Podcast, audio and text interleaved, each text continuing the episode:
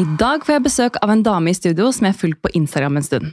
Og jeg inspireres ikke bare av hennes vakre hår, men måten hun fremstiller både seg selv og barna. Hun har en karriere hvor hun jobber både som stylist, men også som markedsfører og innholdsprodusent.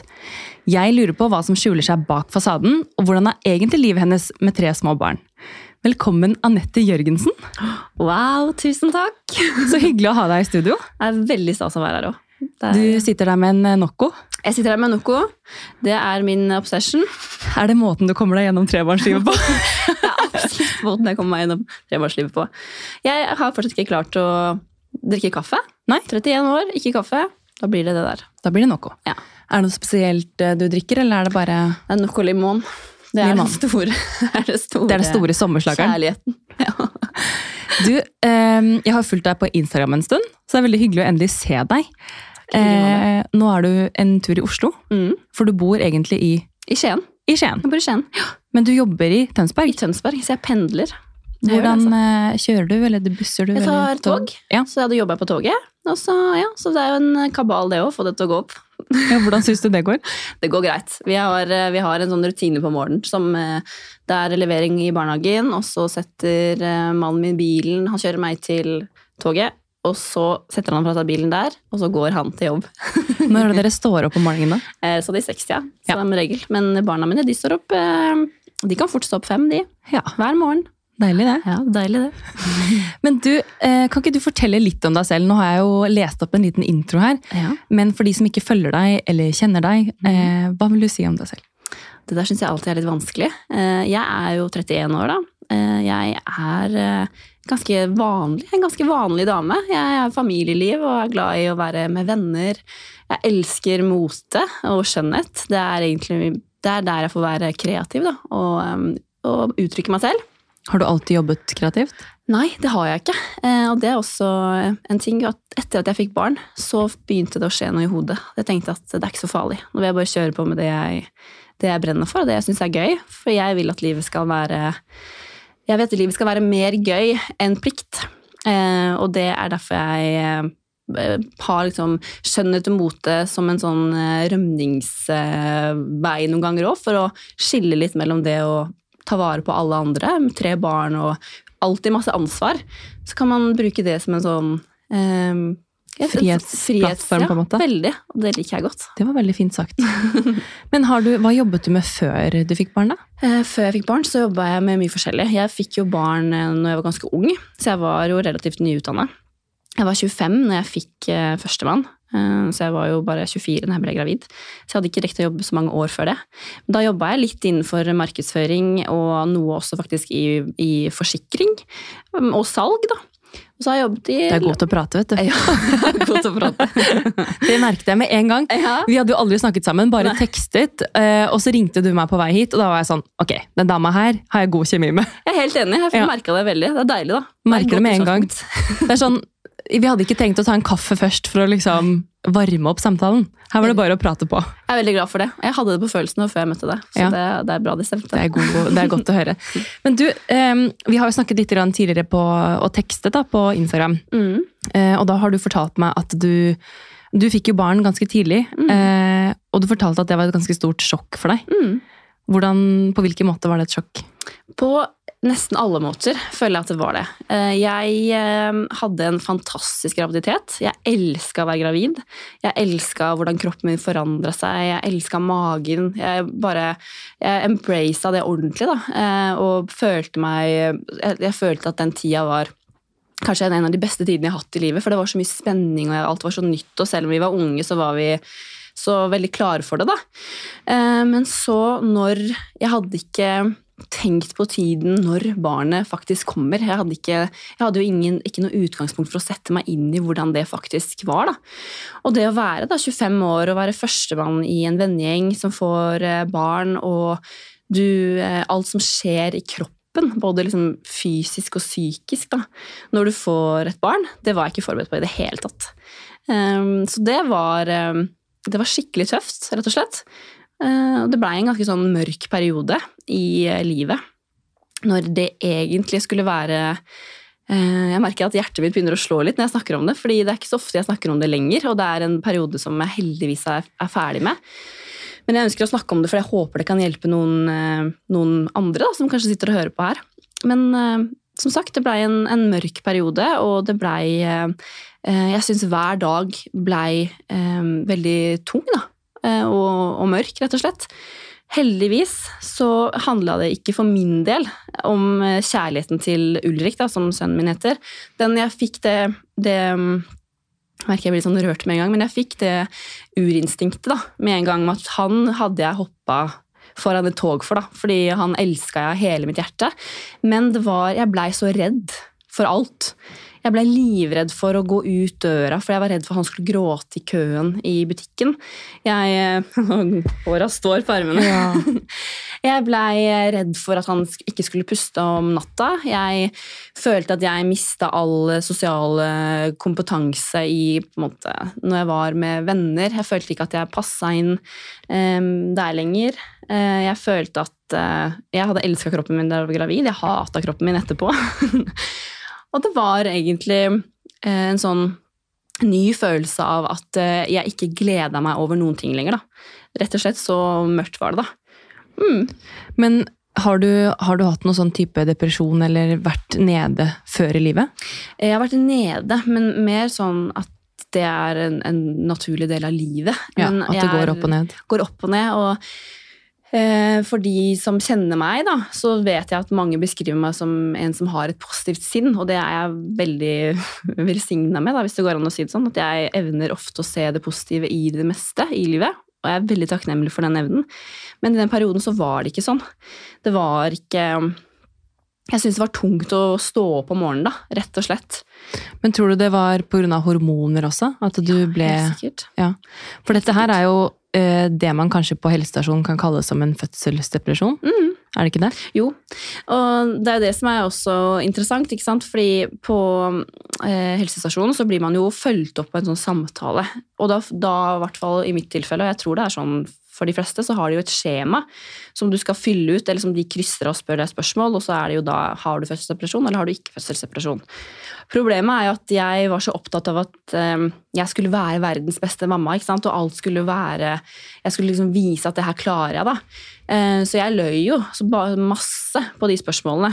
Jeg pynta jo på det og sa at jeg hadde det kjempefint, og at uh, det var jo en sånn, jeg husker det var sånn score, da. Og da la jeg meg i hvert fall tre-fire tall for høyt da, i forhold til hvordan jeg egentlig hadde det.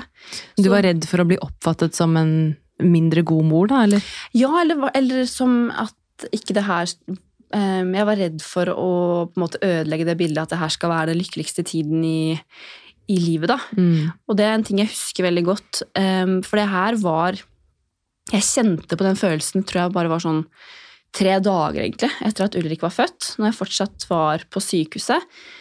Så eh, husker jeg at min farmor ringte meg da, og sa at åh, nå er du vel nå er du vel så lykkelig som du aldri har vært før. Og så tenkte jeg nei, jeg kan komme på ganske mange andre ganger i livet jeg har vært lykkeligere enn nå. Jeg er veldig glad for å være ferdig med fødsel, men jeg, jeg følte meg på ingen måte lykkelig. Og jeg syns at det skal være jeg synes det skal være greit da, å fortelle om det. At det trenger ikke å være at du føler deg som verdens lykkeligste person når du får det barnet på brystet. Fordi det er en så stor eh, omvending i livet, da. Um, og det ønsker jeg at man skal snakke mer om, for det merker jo man at det fortsatt er tabubelagt. Og det er jo også et resultat for at jeg ikke var ærlig på den samtalen. Fordi det er jo tydeligvis en tabu som sitter. Du var redd for fordommer og hva, mm.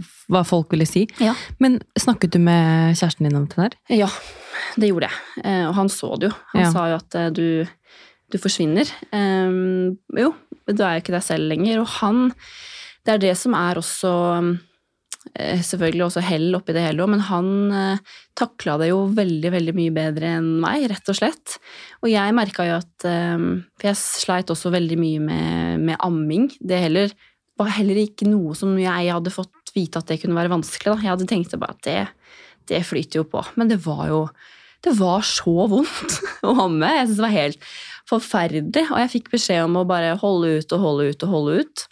Så jeg holdt på i det var vel i fire måneder, da, tror jeg. hvor brystvortene mine var, det var åpne sår. Så jeg kom, fikk jo infeksjon på infeksjon på infeksjon. Til slutt så var det en nydelig eh, lege som sa til meg nå tror jeg at jeg må få lov å ta avgjørelsen for deg, at det her, det går ikke for deg, da. Um, men det også oppi det hele var jo sånn at da når jeg satt og sleit med den ammingen med Ulrik hele dagen, når Espen kom hjem fra jobb, så var det sånn at nå må du, nå må du ta den ungen. Fordi man forbinder jo plutselig all nærkontakt da, med smerte. Eh, så det var jo veldig tøft da, oppi det hele. Men så fort jeg tok, ga han den flaska eh, Depresjonen ble ikke borte, men ting blei så mye bedre. Det løsnet, da. Det løsnet, Og han er jo en frisk, fin, nydelig gutt. Og vi fikk jo den gode nærkontakten selv om han hadde den flaska. Og det å se på venninner som sliter og sliter og sliter, og jeg åh, tenker at en mor skal ha det godt for at barn også skal ha det, ha det bra. 100 mm. Og det er så viktig at du sier, for det er sånn det er sikkert mange som hører på nå, som tenker at eh, de er veldig alene i en sånn situasjon. Mm. Eller de, de, vet kanskje ikke Kanskje de ikke har født ennå, kanskje de kommer dit, kanskje mm. de kjenner noen som er der. Og da er det så fint å høre at du prater åpent om det nå. Mm. Nå er det jo selvfølgelig noen år siden, og mm. som du sier, dette med ammingen gjorde jo eh, Forsterket jo på en måte mm. følelsene. Mm. Men hvis du ser bort fra det, hva tror du grunnen til at du fikk de følelsene, at du følte deg så nede? Hva tror du grunnen til det er? Jeg tror jeg hadde altfor høye forhåpninger eller forventninger til, eh, til meg selv. Jeg trodde at livet kunne fortsette akkurat sånn som før. da. Bare med en liten baby Bare på hofta? Liksom. baby på ja. hofta, ikke sant? Og han, han, gråt masse, han sov ikke på natta. Han øh, også, også øh, Det som jeg har tenkt mye på, som jeg tror gjorde det bare veldig mye verre for meg, var at jeg hadde som sagt en innstilling at jeg skulle fortsette som før. da. Så jeg hadde jo med meg han overalt. Jeg var på middager, jeg husker jeg var på nyttårsaften, så var jeg alene med han fordi Espen jobber turnus. Så da tok jeg han med meg på nyttårsfeiring, da, på middag. Um, og jeg var jo ikke med i den middagen i det hele tatt. Så, og så dro vi hjem da før klokken tolv, da, og dro hjem. Og da husker jeg sånn så veldig Da var jeg så sliten. Og bare, det, det, gjorde jeg jo for alle andre enn meg selv. ikke sant? Og da husker jeg at jeg sto i vinduet hjemme på nyttårsaften med ungen min på armen da, og så liksom rakettene eh, klokka tolv på, på, natta den nyttårsaften, første nyttårsaften. Og tenkte bare at jeg følte meg, jeg følte meg så veldig ensom, da. Jeg følte at ingen skjønte det jeg, eh, ja, det jeg sto i. Og at jeg tror ingen heller visste at jeg hadde det så vondt som jeg hadde det. Fordi jeg satte opp en, en god fasade der. jeg ser at det er tøft for deg å prate om. Og jeg ser for meg bildet at du står der. Fordi, mm. Og jeg kjenner meg egentlig litt igjen, fordi å være en av de første i vennegjengen mm. som får barn, og man har tanker om at eh, man har noen forventninger til seg selv som er litt urealistiske. Fordi alle følelsene kommer på toppen, mm. eh, og instinktet ditt kommer på toppen, og alt som skjer med kroppen. Altså, alt skjer jo. Eh, så det mm. du tenker at skal være sånn ting skal være, det blir som regel ikke sånn. Um, men hvordan, hvordan, eh, reagerte vennene dine, og så de at du slet med dette her? Ikke i, i begynnelsen, eh, for jeg tror ikke det er så lett å skjønne det heller når du ikke har barn, eh, barn selv. Men etter hvert så skjønte de det, og jeg åpna meg jo mye mer om det også. Eh, og da var de jo kjempestøttende. Og de, de, på en måte prøvde jo å forstå det etter beste evne. da. Eh, og det er jo det som jeg setter veldig pris på nå, når jeg har kommet meg ut av det. At det, jeg føler at den erfaringen jeg sitter med der, den hjelper jo også de vennene mine, mine venner nå. fordi om det ikke er fødselsdepresjon, så kommer man jo inn i den mørke perioden, eller noen kan få mørke tanker innimellom uansett. da. Og det er erfaringer som eh, da kan kanskje at man ikke føler seg like alene. Men jeg følte at de ga meg, eh, de ga meg masse støtte og forståelse. Absolutt. Men for meg så handla det om en jobb jeg måtte gjøre, måtte gjøre i meg selv, da. Mm. Men det er fint å høre deg prate om det nå i etterkant, men det er litt sånn du satt deg jo veldig alene og på en måte pyntet på det litt. Mm. Både for deg selv, men også kanskje for venner, mm. familie. og Man vil ikke være en byrde, på en måte. Nei. Um, og, men hvordan, hvordan um, altså Når du på en måte innså det mer selv, mm. var, var, du da mer ærlig mm. overfor de rundt deg? Det var jeg. Uh, og da også trodde jeg ikke for at moren min hadde lagt så merke til det, men hun sa det jo, hun begynte jo å gråte da når, vi, når jeg fortalte det. Eh, og sa at hun hadde liksom sett at hver gang som sagt, Espen, da, min samboer, han eh, jobber turnus, og han er jo mye borte i helger, og, så jeg er jo masse alene med barna. Eh, og da alene med Ulrik. Og da eh, sa hun at hun så at liksom, angsten satte seg i kroppen min da, de fredagene han dro. Fordi For meg så føltes ikke det ut som at jeg Jeg følte ikke det naturlige at jeg klarer å ta vare på han alene. Og det syns jeg fortsatt er litt, faktisk litt sånn det, det, den kjenner jeg stikker litt å si høyt. Fordi at det skal liksom falle så naturlig. Urinstinkt, som jeg sa, det hadde jeg beskyttelsesinstinktet, men jeg følte ikke nødvendigvis at jeg hadde full kontroll, da. Selv om jeg ser jo at jeg hadde jo det. Jeg bare hadde altfor høye krav til meg selv. Så ja. Mm. Og at du hadde kanskje litt disse eh, mørke tankene, da. Mm. Eh, og som du sa i stad, da var jo Espen på en måte din trygge havn, mm. som Altså, han tok det da han tok det så bra, og det mm. gjorde også at du kanskje kunne lene deg litt mer på han. Absolutt. Så når han ikke var der, så ble du kanskje litt usikker på Jeg ble veldig usikker. Gjør jeg det rette nå, på en måte? Ja, og det er bare det å sånn, komme seg ut av døra, på en måte. Eh, det å tenke på tusen ting. At, at jeg følte at liksom, gleden ved å gjøre ting ble borte i alt, alt stresset før man gikk ut døra, da.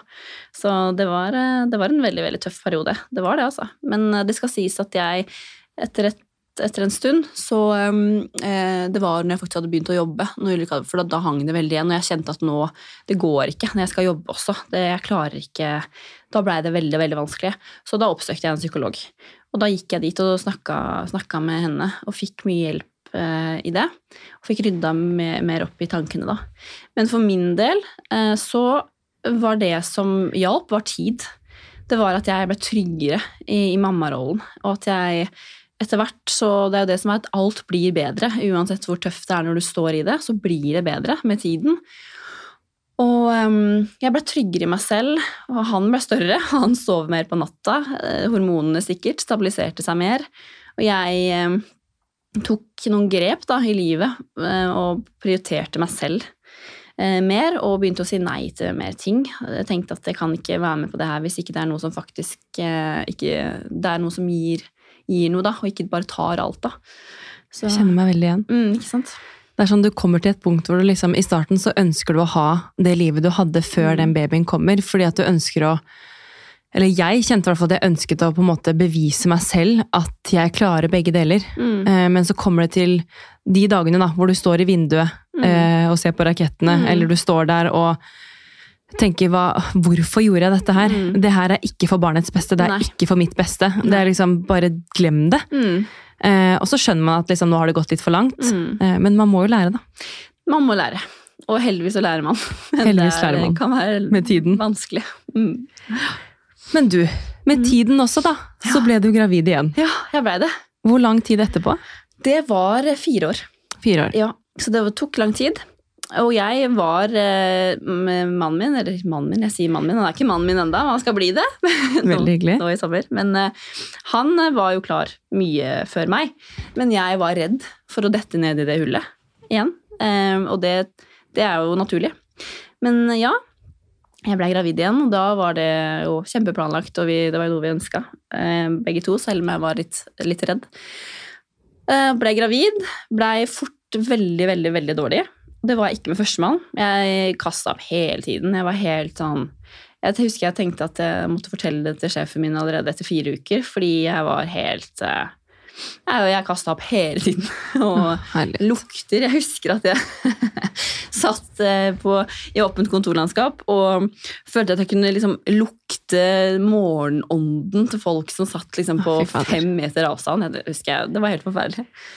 Men ja, så ble jeg gravid igjen, og um, fikk jo tidenes sjokk når vi fikk vite at det var eh, to inni der. Det er sykt. det er hvor, sykt. hvor, tidlig fikk dere vite det? Jeg fikk vite, vite det i uke ni. For jeg um, ville bare ha en trygghet på at et hjerte slo. Det er litt en morsom historie, fordi Espen uh, begynte å studere det året. Uh, tok litt videreutdannelse. Så han uh, var veldig på at han ville være med på den timen, men jeg synes at han, for han hadde en viktig forelesning, så jeg sa at ikke, vi får ikke vite noe særlig på den ultralyden uansett, så dra på den forelesninga, så ringer jeg deg bare når jeg er ferdig. Og så går jeg inn, ehm, går jeg inn på den, i det undersøkelsesrommet, og så eh, undersøker hun meg, da. Og ble, så ble hun veldig stille. Og så tenkte jeg sånn, ok, nå, nå, er det, nå er det ikke liv, da. Nå er det noe gærent. Og plutselig blir man sånn, man innstiller seg på det med en gang. Sånn, ok, nå må jeg bare, nå må jeg takle det her. Og så ser hun på meg, og så sier hun sånn, sitter du godt? Jeg bare, ja, jeg ligger for så vidt, men ja. Det, her er det to. Du skal bli tvillingmamma. Ok, jeg kjenner jeg får gåsehud. Ja. Og da husker jeg at jeg tenkte sånn Nå besvimer jeg. Nå besvimer jeg. jeg får skikkelig gåsehud. Det, Ja. det må være en syk beskjed å få. Det var, en, det var en syk beskjed å få.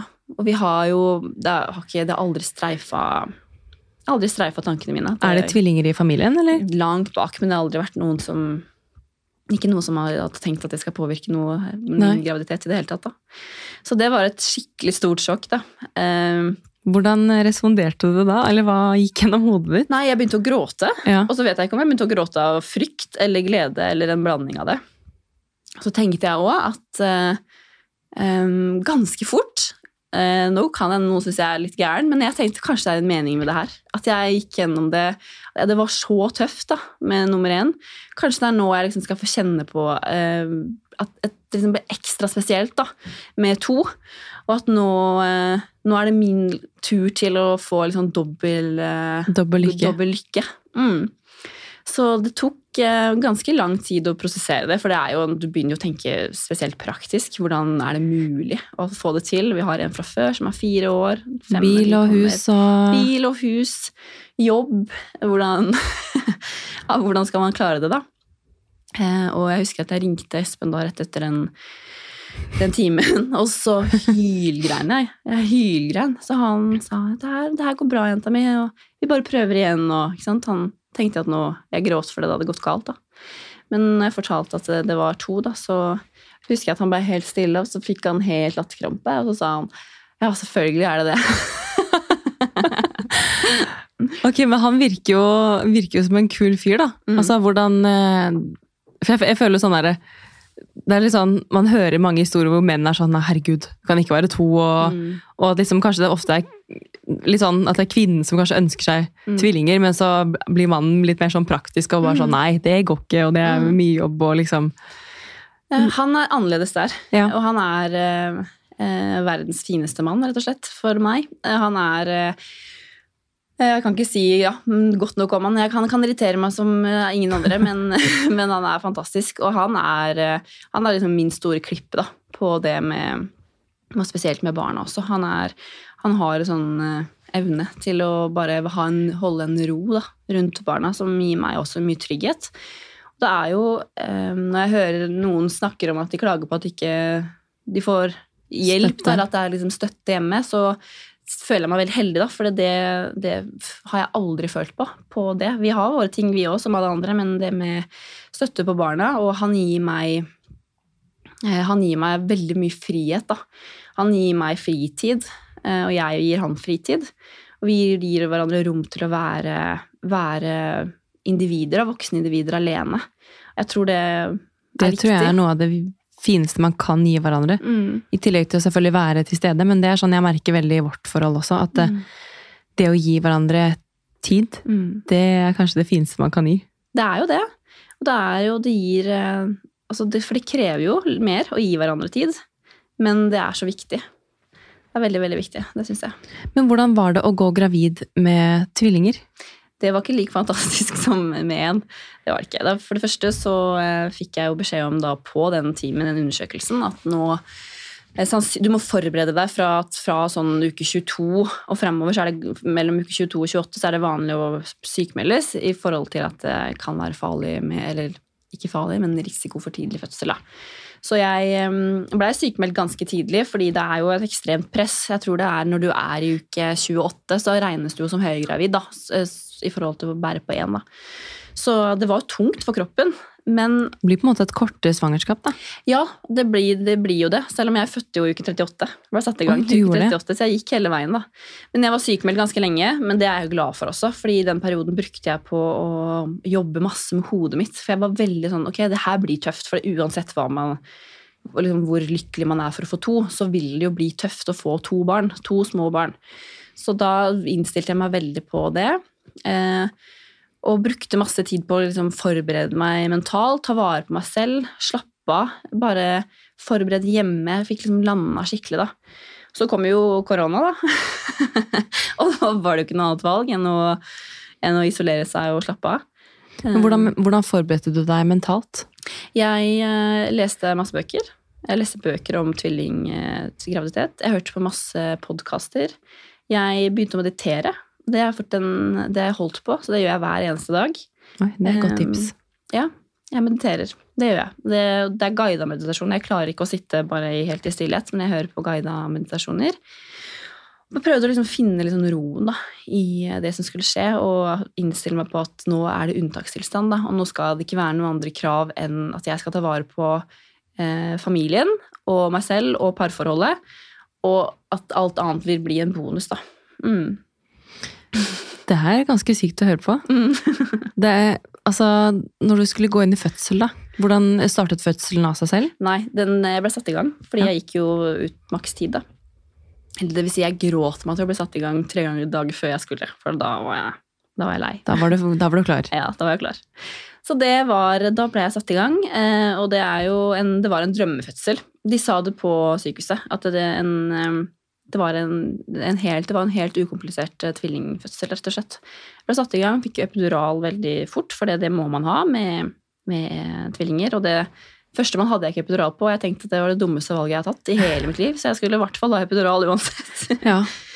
Og eh, nei, det, det, det gikk veldig bra. De kom med 20 minutters mellomrom, og det var jo vondt som det er å føde, men det, jeg følte meg ikke utslitt på samme måte. da. Men det var jo rart da å føde under korona, for Espen måtte jo dra etter to timer. Han måtte jo dra med en gang. Mm. Så da var jeg jo seks dager alene på sykehuset. Så er man såpass lenge, ja, dobbelt så lang tid med to. Ja, jeg var det, for de, var litt, de måtte følges opp litt ekstra, da. Mm. Ja. Mm. Men hvordan var det da på en måte få én klump på bryst? Fikk du liksom den ene babyen på Mm. brystet, og så skal du presse ut den andre? Jeg fikk, jeg fikk eh, først Vilja eh, på brystet. Og så skulle jeg presse ut den andre, men da, da begynte jeg å riste så. Eh, så da sa jeg fra at Espen, du må holde henne, for jeg klarer ikke. Og Espen har en film av meg hvor eh, han skryter av meg når jeg har fått henne på brystet. Da. Og så sier jeg sånn Åh, nei, men jeg har, jeg har en igjen! jeg er ikke ferdig ennå. Så holdt han henne. Du må jobbe så- mer her. Ja. Så fikk jeg ut, eh, pressa jo ut Kasper, da. Så Også, fine navn. Ja. Vilja og Kasper. Og Ulrik. Og Ulrik. Veldig fine navn. Takk. Veldig fornøyd med det. Det der eh, Nei, det var eh, Det var kjempe, kjempefint. Um, og det som var veldig Jeg tror det var eh, en, en Hell i uhell med at jeg hadde den fødselsdepresjonen, var at jeg innstilte meg nå på at det skulle bli så ekstremt mentalt tøft da, med Kasper og Vilja. Men det blei ikke så tøft som jeg hadde innstilt meg på. Det ble, jeg var mye tryggere i meg selv. Amminga den fikk jeg ikke til nå heller. Greit. Jeg, jeg pumpa. Du aksepterte det på en annen måte? Jeg, jeg pumpa lenge, men jeg, jeg aksepterte at det, den, det, det går ikke, og i hvert fall ikke med to. Jeg var mye mye snillere med meg selv. Og altså, Koronarestriksjoner gjorde jo at det, det var jo ikke noe å gå glipp av uansett. Så det var kanskje en lykke for meg, da, selv om det selvfølgelig var, er en tragedie, hele greia. Men det var eh, Så de er 2020-barn? De er 2020-barn, Ja. Så de ble jo født akkurat når alt stengte ned, så da var det jo veldig veldig strengt. Nå får man vel lov å være litt mer sammen med, på sykehuset, eller i hvert fall nå, men, men et år etter også. Men det Så det, det var jo Det blei en veldig, veldig fin tid. Jeg følte meg sånn Da følte jeg meg faktisk veldig lykkelig. Og da følte jeg at eh, nå slapper jeg av. Og jeg var så sliten, og jeg var så Ehm, på en måte, Jeg gråt masse fordi jeg var, sli, ja, jeg var sliten, men jeg var, hadde en mye mer trygghet og en sånn lykkefølelse i bånn. For jeg hadde ikke de kravene til meg selv. Og det var godt å få kjenne på det også, oppi en sånn nyfødt Og bare være, på en måte? Og bare være. Så, og så har det kanskje blitt tøffere når de har blitt eldre, og når jeg begynner å stille høyere krav til meg selv igjen, når jeg skal tilbake på jobb, man skal liksom få, eh, få i gang eh, hverdagshjulet, da. Da er det jo, da er det jo litt tøffere igjen. Eh, men ikke, ikke, det er ikke noe sånne mørke tanker, men da er det jo mer da, At da man vil mer, på en Ja. måte? det er mer krevende, da. Mm. Men hvordan var det å Altså, du har jo hatt Du har jo Ulrik, og så fikk du tvillinger. Mm. Eh, Jeg har alltid lurt på sånn man, man vet jo, eller jeg vet jo hvordan det er å ha én, men hvordan er det å få to spedbarn, liksom? Altså, sånn, hvordan, hvordan gjør man det? Altså, er det sånn at når den ene sover, så skriker den andre, eller er de samkjørte, eller hvordan var det for dere? Det var, eh, Espen tok jo all permisjonen sin med meg fra begynnelsen av, så vi var fire måneder sammen. Eh, så da, da var det jo at vi bare delte på alt. Det var jo ikke noe Han fikk jo ikke sove noe mer enn meg, han. Så vi var jo et skikkelig team da, som jobba sammen hele tiden. Og det var egentlig veldig fint. Um, så det er jo sånn når den ene Altså, De er jo ikke samkjørt fra starten. Uh, de som opplever det, er jo veldig veldig heldige. Men vi jobba jo da veldig steinhardt for å, for å samkjøre de, at de, de sov samtidig og spiste samtidig. Men det var jo, altså, man satt jo konstant med, med et barn på brystet hele tiden. Og det var jo sånn men vi, vi, fant litt sånn humor i det òg, for det er jo helt galehus. ikke sant? Det er jo Alt fri flyter jo rundt. Eh, mat er det bare Vi bare stacka opp med Fjordland. Det var bare å blåse i alt annet. Og det var, eh, det var bleier og melk og Ja, det var våte servietter. Det var kaos. Det var overalt. Og jeg er jo helt ryddefrik, men da tenkte jeg bare sånn Det her er bare Det, det var bare å la det flyte. flyte. Veldig. Og det var Folk kom jo hjem, og, og, de, og da klarte jeg liksom å slappe av i at det var litt sånn Ja, ja. Ting er Samme litt sånn det. Eh, på halv tolv. Selv om kanskje ikke de vil si at det var det, men for meg var det det. Og det var, ehm, og nettene var jo helt sånn Jeg husker de første ukene. Vi sov jo ingenting. Da husker jeg spesielt en natt vi så på hverandre, og så var det sånn Skal vi grine eller le nå? Bare for en helt latterkrampe. Fordi det er liksom når den ene var ferdig å bæsje, så bæsja den andre. ikke sant? Det var jo sånn hele natta. Og så kommer det en femåring inn på morgenen som vi har sitt, og så er det Ja. Hvordan taklet han å bli storebror, da? Til to stykker? Ehm, I starten så gikk det veldig fint. Da var han veldig sånn, kjærlig og omsorgsfull. Har egentlig vært det hele veien, men så blei det litt tøft for han. Da spurte han ganske ofte om vi kunne sende det tilbake, og om vi kunne få en liten pause. For de gråt jo masse, og ja, det er jo tøft. Og det var jo noe vi prøvde, prøvde mye på, da. Å gi han mye så mye alenetid som vi kunne. da. Og Espen dro på fisketurer eller på ute og skata eller liksom, ute og gjorde liksom ting eh, alene. da, Mest de to. Og det var jo noe jeg ble veldig misunnelig på. At han, Jeg følte jo ikke at jeg, jeg fikk jo ikke den alenetiden med Ulrik. Så det syns jeg var en ganske sårt da, en periode. For at jeg følte at jeg Man føler jo at man kanskje svikter litt, selv om man vet jo innerst inne at man gjør jo ikke det. Men det er jo sikkert man sånn for alle som får et barn nummer to eller tre, eller ja. Man føler litt på det. Mm. Men eh, nå, da? Nå er de to og et halvt? Nå er de to. Litt over to. Ja, de blir to i april. Mm. Eh, hvordan går det nå, da? Det går veldig bra. De er, eh, det er, det er Alle mine barn er, eh, de er morgenfugler, og de har temperament. Sånn skikkelig Det er ikke noe sånne rolige Det er ikke rolige barn. De er selvfølgelig verdens skjønneste barn, men de er Så det er bånn gass. Det er det hele tiden. Og nå merker man jo at når de har blitt to år, så er det jo ting som blir lettere, men også blir mer vilje og og det er, eh, de er jo to individer. Selv om de er tvillinger, så vil jo de hver sine ting. De er jo i tillegg gutt og jente, som man også kan merke kanskje Jeg vet ikke om det har noe å si, da, men de er fall, de er i hvert fall forskjellige. da. Sånn at man må hele tiden tilfredsstille et behov. da. Og jeg er jo også um, jeg er alene med de en del også, fordi Espen jobber turnus sånn som han gjør. Og det, da er det jo krevende. Veldig. Det er jo sånn Jeg innrømmer at jeg blir sint. Veldig sånn Det er jo ganske ofte at jeg blir sånn Nå! Nå setter dere dere ned! ja, men vet du hva? Jeg har liksom tenkt eh, Jeg har en tante som har jobbet 25 år i barnehage, og hver gang vi er sammen, så prater vi mye pedagogikk. Og jeg er veldig interessert i det. Mm. Men så sier hun til meg ofte sånn Marie, du skal jo ikke være pedagog, du Nei. skal være mamma. Og det er sånn, det blir jeg så glad for å høre, fordi at innimellom så er det lov å blåse ut. Mm. Og det er sånn, jeg tror det er viktig for barna også å se at ok, men nå ble mamma mm. irritert eller mm. frustrert eller mm. sint. Og det må være lov å mm. vise de følelsene overfor barna sine. Jeg tror det også så lenge man også da, sånn som du sier, for man kan ikke være pedagog hjemme hele tiden. Det Nei. går ikke. Men jeg tror det viktigste, eller i hvert fall for min del, er at jeg kan si unnskyld. da. I går blant annet så følte jeg at jeg liksom skreik alle ungene ut i bilen egentlig, på vei til barnehagen. Men da var det liksom sånn når vi satt i bilen, så sa jeg nå må vi bare vil jeg bare si unnskyld for at jeg ble veldig fort eh, sint. Og så spurte jeg om det var noe Er det noe du vil si, Ulrik? ja, han ville kanskje si litt unnskyld, Hanna, da, for at han hadde gjort noe. Og så i hvert fall at vi tar en Jeg prøver liksom å lande litt da før jeg da drar og leverer, sånn at det ikke blir en sånn dårlig start. For det er jo ikke noe god følelse. Nei, jeg vet. Men det er bare noen ganger så er, Jeg syns at den der halvtimen når du, fra du liksom skal på en måte begynne å kle på og liksom komme deg ut døra med tre barn alene, eller for så vidt hvis vi ikke er alene nå, den syns jeg er liksom skikkelig pes. Ja, fordi altså, har du kledd på én, og så skal du begynne å kle på de andre, og så kanskje, den, han, kanskje Ulrik begynner med noe annet, og så Eller Kasper kaster noe i do, eller bilnøkler, for eksempel. Har jo flydd i do ganske mange ganger. ikke sant? Eller at de, Det er ikke like lett å holde styr på tre Nei, eh, versus én, liksom. Det er ganske mange ganger jeg har snudd meg i døra. Når vi, når vi går ut, så ser jeg tilbake bare I all verden. Det er bare sprengt en bombe den gangen. Mens vi, Det er gøy å høre at du har litt humor på det. Ja. Eh, men hvordan prioriterer du deg selv, da? ja, det er jo noe jeg eh, brenner skikkelig for, da. Faktisk. Og jeg syns at det skal eh, vi gjøre mer av. Spesielt vi kvinner. Så jeg det jeg gjør, er at jeg som sagt er interessert i mote og skjønnhet. da. Så jeg, jeg sminker meg hver dag. Det er liksom min uh, greie. Og det handler ikke om at jeg, at jeg gjør det for å at jeg ikke er fin uten sminke. Eh, men jeg føler at jeg takler eh, dagene bedre da, når jeg kler på meg noe fint, når jeg føler meg bra, ordner håret mitt. Det, da, og det setter jeg veldig pris på mest men han gir meg de tre kvarterene. da. Han kommer sikkert til å si at det er en time og et kvarter, men eh, jeg sier tre kvarter.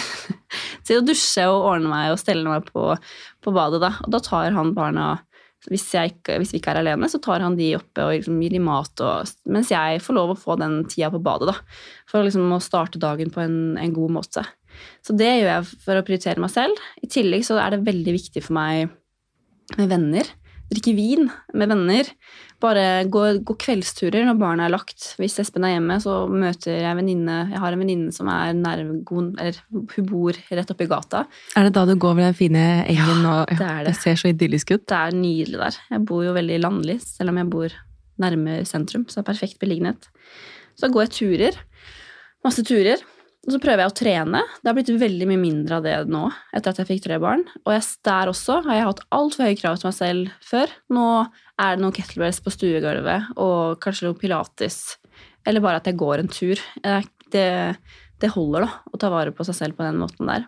For når du sa i stad at det er, liksom, det er bånn gass hele tiden, og Mm. da blir det litt sånn Hvor henter man energi selv? Mm. Eh, og jeg kjenner meg igjen det på å bare gå en tur. Da er sånn, ok, Man tenker at da bruker man jo energi, men du får jo også energi av å bruke energi. energi. Så noen steder må man hente seg inn. Jeg tror det er viktig også, for det, man får jo litt sånn indre stress som driver og går hele tiden når man har masse å gjøre. Og mange ting, og jeg, jeg har en lang vei å gå på det, fordi jeg har eh, alltid 100 jern i ilden. Og nå som jeg så søsteren min i Oslo nå også, hun sa det til meg faktisk i går. For nå må du bare Hun, hun ble, hun ble stressa av meg, da. Og det er liksom det er hardt å høre, men at hun setter meg litt på plass, da, fordi at jeg hele tiden skal gjøre ting eller fikse ting fordi jeg er vant til at det går i et sånt høyt tempo. Og det er jo ikke sunt. Ikke sant? Så man må, liksom, man må lande. Og når jeg sier, sitter selv og preacher at jeg vil at livet skal være mest, mer gøy enn plikt, da, en, eh, da må man jo leve det, da. Og roe litt mer ned, da. Og ta inn alt som skjer i livet, og alle, alle inntrykk, da. Mm. Absolutt. Du, det nærmer seg litt slutten på episoden her, og vi kunne jo sittet og pratet her i 100 år, vi. Mm. Men vi har noen lyttespørsmål som jeg gjerne vil gå raskt gjennom. Ja. Um, og da er det noen som lurer på hvordan er parforholdet etter at dere har fått flere barn? Det er eh, fint, men veldig annerledes. Det med at man sier at man må jobbe for et forhold, det syns jeg passer. Man må det, man må sette av tid til hverandre. Eh, Vi kan krangle så busta fyker og være skikkelig irritert på hverandre. Ofte så er det, handler det om rydding. Og så blir, må man liksom gjøre en innsats for å bli venner igjen. Og det er jo Man kjenner jo at avstanden blir jo større når man har så mange som man skal ta vare på hele tiden. Derfor er det så viktig å på en måte sette av den tida til seg selv da, og møtes. Og det, og det trenger ikke å være noe annet enn at du bestiller sushi hjem og åpner en flaske vin, og så ser du på et eller annet på TV, eller at du ikke ser på noe på TV og sitter og snakker, da. Det trenger ikke å være noe større enn det. Senke forventningene der òg. Det Mm. føler jeg. Er det én ting som går igjen i den podkasten her, Mm. så er det senke forventninger. Mm. Og det er jo noe med at man må flytte fokuset da, fra seg selv til andre, eller fra andre til seg selv, Mm. egentlig. Det er det. Um, og så er det flere som lurer på håret ditt. Ja. Eh, da spør folk om hva slags produkter du bruker, og om du har plaget, blitt plaget av ammehår. Ja. Eh, ammehår har jeg faktisk ikke blitt så veldig plaga av. Og det jeg vet jeg at jeg er heldig med, men det, det har jeg ikke blitt plaga med. Jeg har blitt plaga med mye annet, men ikke ammehår. men eh, Altså, Jeg ble nesten starstruck bare av håret ditt da du kom Yes. gående i stad. Det var som en sånn slow-mo Hollywood-film hvor håret ditt bare woho! Med i vinden. Du har veldig flott hår. takk, det er veldig veldig hyggelig å høre. Mm. Produkter, eh, så er det jo Jeg bruker ikke så mye fancy produkter, men jeg har en som jeg sverger til. Det er en Orbay, den Maximista. Det er en sånn eh, volumspray som jeg tar i vått hår før jeg føner det. Og så krøller jo jeg det, da. Jeg krøller jo håret tre ganger i uka, jeg. Fordi da føler jeg det. Ja, da føler jeg meg bra. Så grer jeg de ut og bare ja, krøller de. Eller som, som sjampo og balsam så bruker jeg noe så fancy som Define eh, Moroccan Oil-serien. Det er det jeg bruker. Og så Det lukter godt, da. ja, den lukter godt, og jeg føler at den, den funker greit, egentlig. Og så er det um, tørrsjampo. Det kan være sånn forskjellige merker, egentlig, som jeg bruker. Og det bruker jeg alltid i med en gang jeg har føna hår også, selv om det er liksom nyvaska, for da føler jeg at det holder seg fresh lenger, da. Bra tips. Og så er det noen som spør eh, har du lyst på flere barn. Nei, Nei. det har jeg ikke. Det har jeg ikke. Det er eh, svaret mitt. Ja. Eh, og så er det noen som spør om hva du bruker på brynene dine. Der bruker jeg Jeg tar jo um, lamination, da. Laminerer bryna. Det har jeg så lyst til òg. Det burde du prøve. Ja. Jeg er veldig fornøyd med det. Så det gjør jeg jo da sånn annenhver måned. Og så bortsett fra det så bruker jeg en eh, brow gel fra L'Oreal, faktisk, som er sånn brun Den Bare- bruker jeg òg. Ja, den er sånn brun og grå. Ja. Altså, Jeg har sikkert hatt den i et år, Ja. men jeg, altså, jeg bruker jo andre ting òg. Men jeg liker å bare For den er, så, den er ganske drøy og ganske mørk i ja. Jeg bruker den, jeg elsker den. Ja. Og så bruker jeg en annen fra Det er vel L'Oreal, det også. En sånn, sånn kjempe, jeg liker de veldig tynne brynspennene, for da kan jeg liksom lagre sånn hår. Jeg liker å liksom dra ja, Tegne med hårene, da. Ja. Mm. Bra. Ok, Og så er det siste spørsmål fra lytterne våre, og det er hvordan håndtere Anette hverdagen? Vasking hjemme, middager, rydding, ukeshandel osv. Ja. Ukeshandling det gjør vi ikke. Det er vi kjempedårlige på. Vi burde gjøre det. Jeg så du var ute og ukeshandla i går. tenkte jeg, åh, det, Vet du hva? det var flink. Oda next, tror jeg. Ja, jeg tror det, Det må være løsningen for oss fremover, Ja. tror jeg. Vi er så dårlige på det. Når vi tenker en uke er vi gode, og så blir det Nei, så der har jeg lang vei å gå. Så det er ukeshandling. Det kan jeg ikke skryte på meg at jeg gjør. Det blir litt sånn fra dag til dag. Rydding prøver jeg å gjøre da på kvelden når barna er i seng, så rydder jeg. Men vi har vaskehjelp. Så det har vi annenhver uke. Og vi kommer til å begynne å ha det hver uke. Fordi det er, det er en investering i, i forhold, altså de pengene som det går til der. Det er eh, for vår del i hvert fall at vi prioriterer penger på det, da. For det blir jo helt, det blir helt kaos. Det er én mindre ting å tenke på, da. en mindre ting å tenke på. Faktisk. Så det er sånn man gjør det, og så krangler vi litt da, om det. Noe må man ha å krangle om. Og hvis det er vasking og sånn, så tenker jeg vet du hva, det får være greit. Ja, det tenker jeg òg, når jeg får litt på avstand, selv om jeg kan bli så forbanna at eh, ja. Men du, Anette, denne, denne episoden her kommer ut i sommerferien. ja. Og da lurer jeg på, hva er deres planer i sommer? Vi skal jo gifte oss i sommer, så det er liksom den store planen. Så da skal vi Det er stas. Det er veldig stas. Så vi skal da forberede til bryllup, det blir mye av det. Og så skal vi en uke til Kypros, faktisk, eh, på bryllupsreise. Så hyggelig, da. Ja, jeg ble influenset av Janni Deler, som bor på Kypros. Mhm. Da vil jeg til Kypros òg. og så skal vi en uke til Danmark med hele familien. Så hyggelig, da. Veldig. Når skal dere gifte dere? Vi gifter oss 6. august. Så spennende. Ja, Da må jeg ønske dere masse lykke til med siste innspurt av planlegging og alt som hører med. Takk skal du ha. Skulle gjerne litt og hørt litt mer om det òg, men eh, det tror jeg ikke vi rekker med episoden her. Nei, det tror ikke jeg heller. Eh, god sommer, Anette. Takk i like måte, og takk for at vi kom komme.